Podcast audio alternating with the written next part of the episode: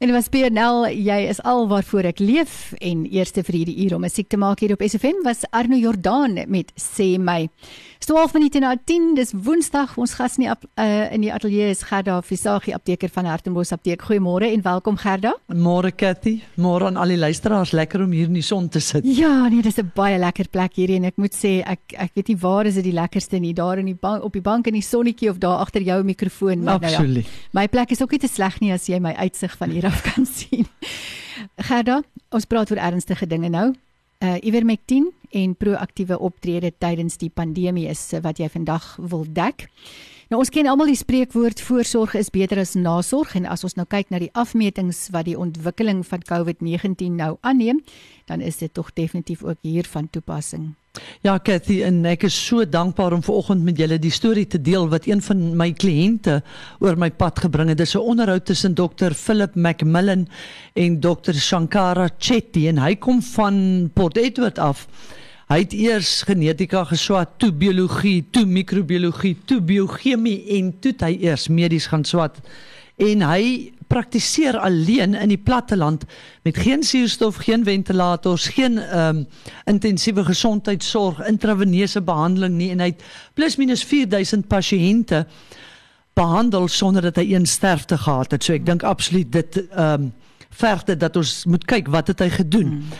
Uit sy demografiese situasie moes hy ten alle koste sy pasiënte weerhou van hospitalisasie en hy het dit gedoen deur 'n groot tent op te slaan Uh, hy het uitgetrek uit sy spreekkamer want sy spreekkamer in sy huis was in een om sy familie te beskerm en hy het hierdie spreekkamer soos 'n akademiese instituut hanteer. Is dit nou omdat daar nie hospitale eintlik naby was nie? In sy omgewing was nie ja. en hy wou so naas moontlik aan die gemeenskap kom want hy wou hulle inlig oor die belangrikheid van hulp soek by eerste simptome. Hmm. So het hy so homself baie meer sigbaar gemaak en hy het absoluut op uh die verspreiding van inligting en opleiding het hy op staat gemaak en in teenstelling met die begin van die pandemie onthou jy was die raad as jy simptome kry isoleer jouself by die huis en uh moenie spreekkamers toe gaan of apteke toe gaan of hospitale hmm. voordat jy nie asemnood het nie hmm. en hy het uit sy kliniese kennis en ondervinding van die grade wat hy bekom het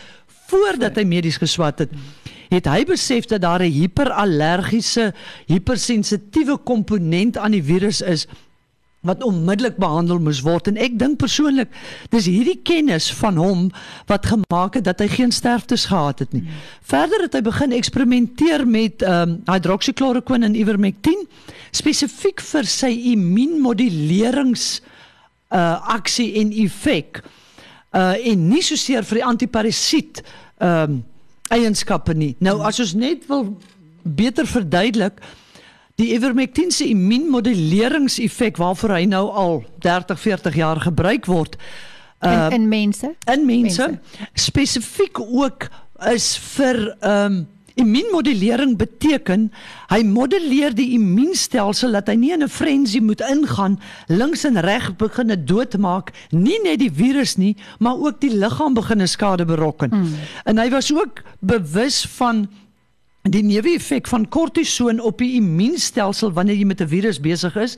So hy het nooit kortison in die eerste fase gebruik wat jou virale fase is nie. Hy het dit gelos net vir wanneer pasiënte van die virale fase oorgaan in hierdie hipersensitiewe allergiese fase.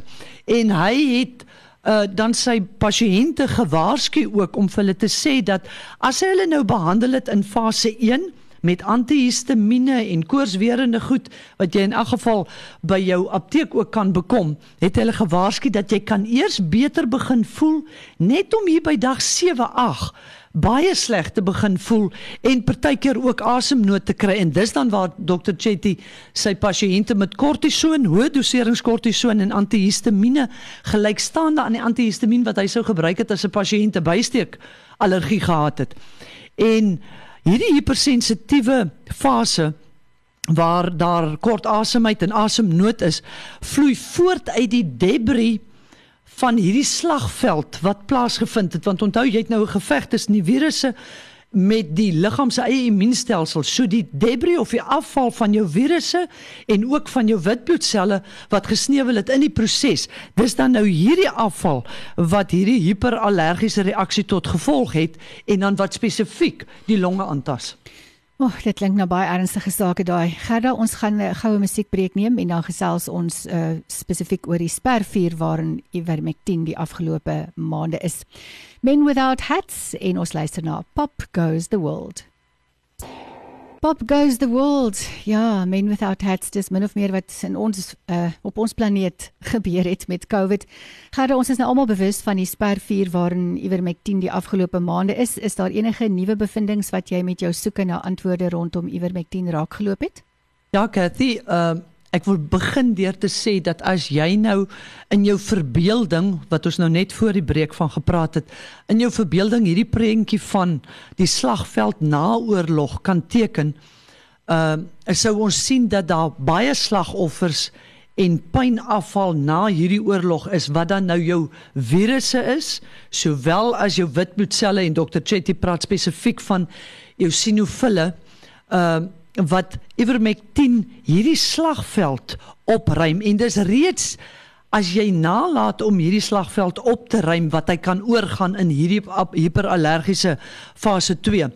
Volgens verskeie ander dokters wat ivermectin in hulle protokol gebruik het, uh, het ek ook die inligting bekom dat hulle sê dis raadsaam om ten minste een profilaktiese of voorkomende behandeling van parasiete met ivermectin te doen voordat jy COVID kry om die las op jou immuunstelsel vooraf te verlig sodat wanneer dit gebeur en hulle ivermectin gebruik tydens COVID, hoef hy nie te deel met parasiete nie, hy hoef net te deel met die ehm uh, virusse en dit maak vir my absoluut sin.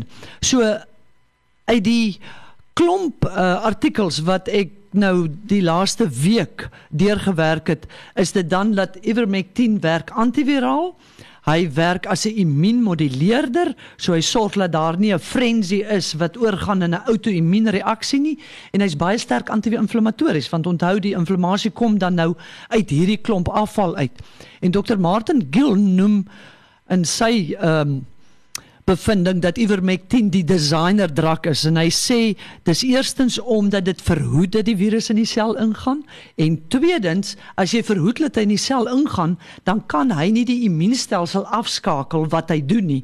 Want die oomblik wanneer hy die immuunstelsel afskakel dan kan hy vermeerder in die gemak van geen uh, teenkanting nie. En Hy kombineer ook sy uh behandeling, sy protokol behandeling met colloidal silver. Dis miskien iets wat die uh luisteraars baie te doen meer gehad het ook in die laaste week en ander dokters kombineer dit met die nebulisering van hydroxyn peroxide. Dis maar net om die suurstof in jou longe uh teen hoër vlakke te kry. En dan wil ek net noem Dr. Jackie Stone het weer in haar protokol belang, uh beklemtoon hoe belangrik dit is om sinkionofore te gebruik in jou terapie en 'n ionofoor van sink beteken hy maak die deurtjies van jou selle oop sodat die sink kan ingaan. Jy kan soveel sink in jou bloedstroom hê as hy nie binne in die sel is nie, dan beteken kan hy nie antiviraal werk nie. So sy Haar uh, antivirale behandeling het bestaan uit sink, dan jou sinkionofore en wat is sinkionofore? Voorbeelde daarvan is weer eens hydro uh, hydroxychloroquine wat ons aan die begin van die pandemie van gehoor het, ivermectin, uh quercetin en dan het sy ook soms uh doxycycline wat 'n antibiotika is, maar spesifiek ook as 'n sinkionofoor werk. Onthou net daar is sekere mense wat nie doxycycline mag gebruik nie. Praat net met jou apteker rondom dit ook en jou dokter.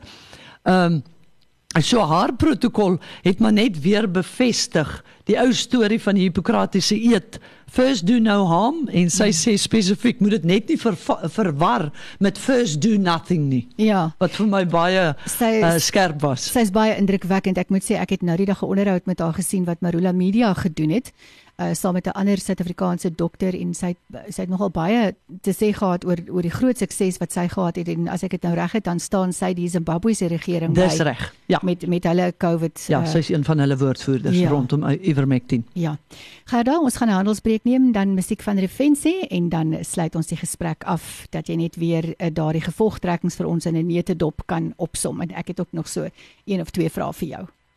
Is Speel van 'n byl met Refensie se stem daar. Dit bring ons by 29 minute na 10. Ons gesels met Gerda Visagie, apteker van Hartenbos Apteek. Gerda, ek gaan nou vir jou kans gee om net weer die gevolgtrekkings van Dr Chetty wat uh, soveel sukses met 4000 pasiënte en geen sterftes gehad het nie sonder suurstof en al daai dinge dat jy dit net weer vir ons kan opsom. Maar ek wil net eers vir jou uit 'n leuke oogpunt vra. Is die inenting voorkomend of is dit 'n effektiewe behandeling? Eerstens dis nie 'n behandeling nie. 'n ja. uh, Vaksin is daar om vir jou antiliggame teen die virus te vorm en gewoonlik is jou vaksin spesifiek vir 'n spesifieke variant. So ek dink dit is die eerste ding wat 'n mens moet sê. So as hy dan nou nie 'n 'n behandeling is nie en hy's net voorkomend, dan moet ek nou vir jou sê daar is mense wat onbekommerd is oor effektiewe behandeling uh as hulle ingeënt is met COVID-19 maar ek weet persoonlik van mense wat ingeënt is en toe daarna COVID gekry het. En dis presies die rede, Cathy. En ek weet van een persoon wat selfs in die hospitaal geland het nadat sy ingeënt is. So dit is moontlik om COVID te kry al is jy ingeënt. Absoluut. Die bewyse is die hele wêreld vol ten opsigte van dit. So die vraag is dan ehm um, 'n mens 'n mens jy weet dis nou voorkomend en mense hoop nou jy kry dit nie as jy die inenting het, maar die ding groei, daar's variante. So jy kan dit nog kry met ander woorde ons moet aandag gee aan 'n geneesmiddel. So al word jy gevaksinneer, al is jy gevaksinneer, ja. dan moet jy nou nie op 'n rusbank loop lê en dink jy het nou 'n kleed rondom jou teen COVID nie. Ja. En hulle het daai vraag vir dokter Chetty gevra, nou wat sê jy van die vaksin? Toe sê hy uit my my situasie sê toe my situasie is anders omdat ek die bewyse het van 4000 mense wat ek met 'n een eenvoudige protokol behandel het en verhoed het dat nie een van hulle gesterf het nie. So hy sê hy het gesê die vaksin mag volgens hom geen neeweffekte of enige aanleiding tot sterftes gee nie. Anders moet dit eers it must lift up to the um the outcome van wat hy dan nou beleef het wat dit vir my baie goed opgesom het. So daar is een en dit is die boodskap wat ek vanoggend ook wil uitbring is dat mense nie in vrees moet leef nie. Daar's eenvoudige konsepte wat voortvloei uit um mense so Dr Chetty wat hierdie hele ding soos 'n navorsings um pandemie hanteer het en teruggeval het op sy kennis ten opsigte van biochemie ehm um, uh biologie uh, microbiologie ensovoorts en dit was die resultate daarvan. Hy's nie net 'n dokter nie, hy het ander kundigheid Absoluut, ook. Hy het spesifiek ook gesê hy dink dit is juist sy wetenskap in uh kennis hmm. van voordat hy 'n mediese dokter gehad het wat hom deurgetrek het om byvoorbeeld af te kom op hierdie hypersensitiewe ja. fase ja. wat in alle koste afgeweer moet word. Ek, ek moet sê Gerda, ek ek het nou al agtergekom dat daar is in die hoofstroom media is daar geweldige negatiewe uh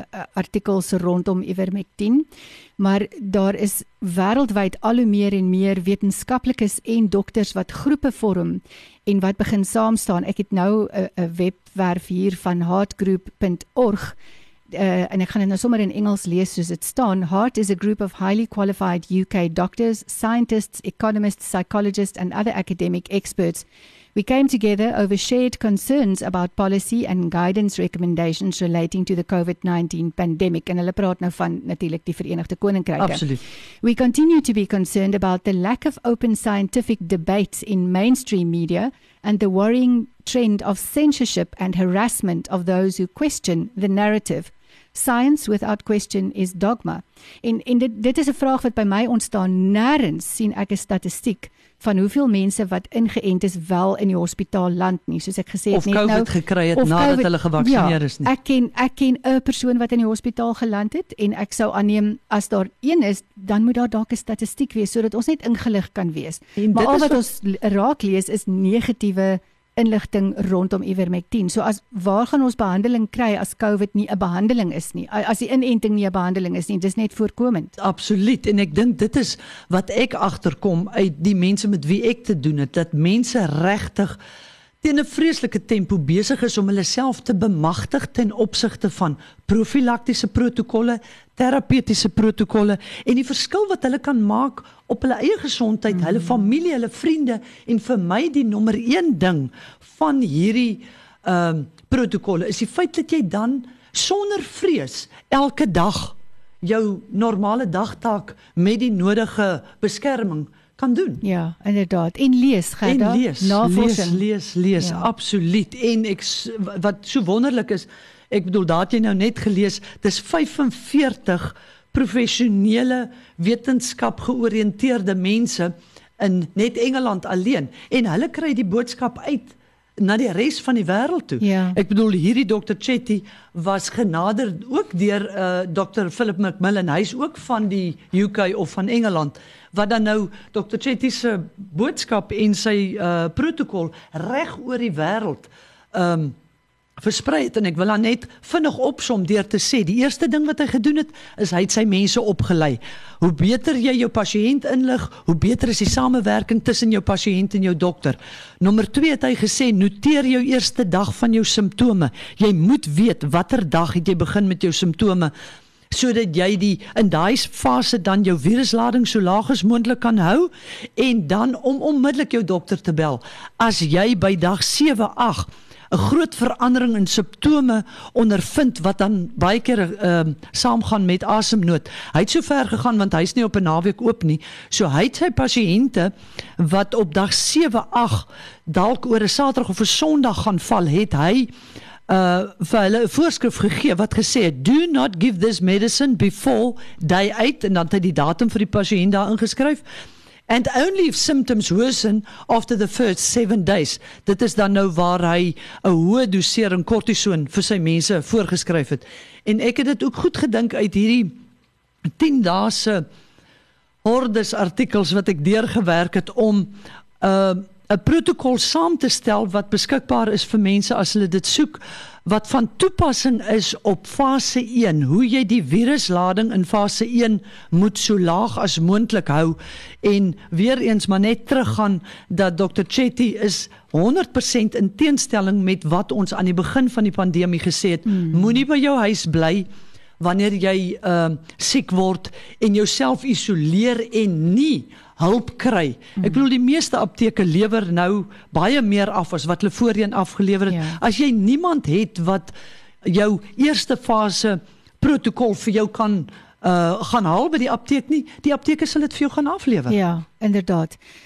Uh dan sommer net 'n woord van dank aan al die aptekers en en dokters daar buite wat so hard werk om die regte inligting vir ons te kry en om daardie inligting dan ook vreesloos te deel.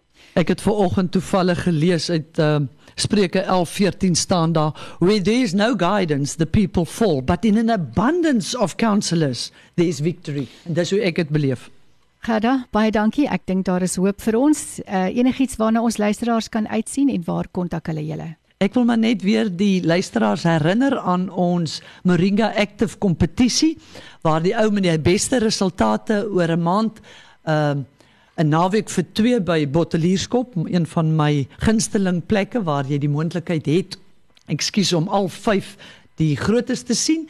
En dan waar is ons? Ons is reg oorkant Hartemos Laerskool, groot parkeerarea oorkant hulle hoofhek. Ons telefoonnommer is 044 6951510. Ons e-mailadres is hartemosapteek@gmail.com en ons Facebookblad waar ons ons praatjies plaas en ook nou 'n kort videoetjie van die oggend se praatjie vir die ouens wat nie na 'n lang storie wil luister nie op ons uh, Facebookblad Hartembos Apteek Dieet en onthou bel jou apteker hulle sal by jou medikasie kom aflewer. Moenie in die eensaamheid van jou eie woonstel sit en deur jou eerste fase jou eerste 7 dae gaan vandat jy enige virus of griep simptome gehad het nie. Maak kontak en weer die eerste fase af.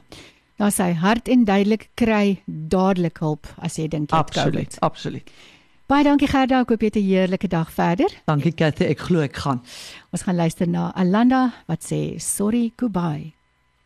Maak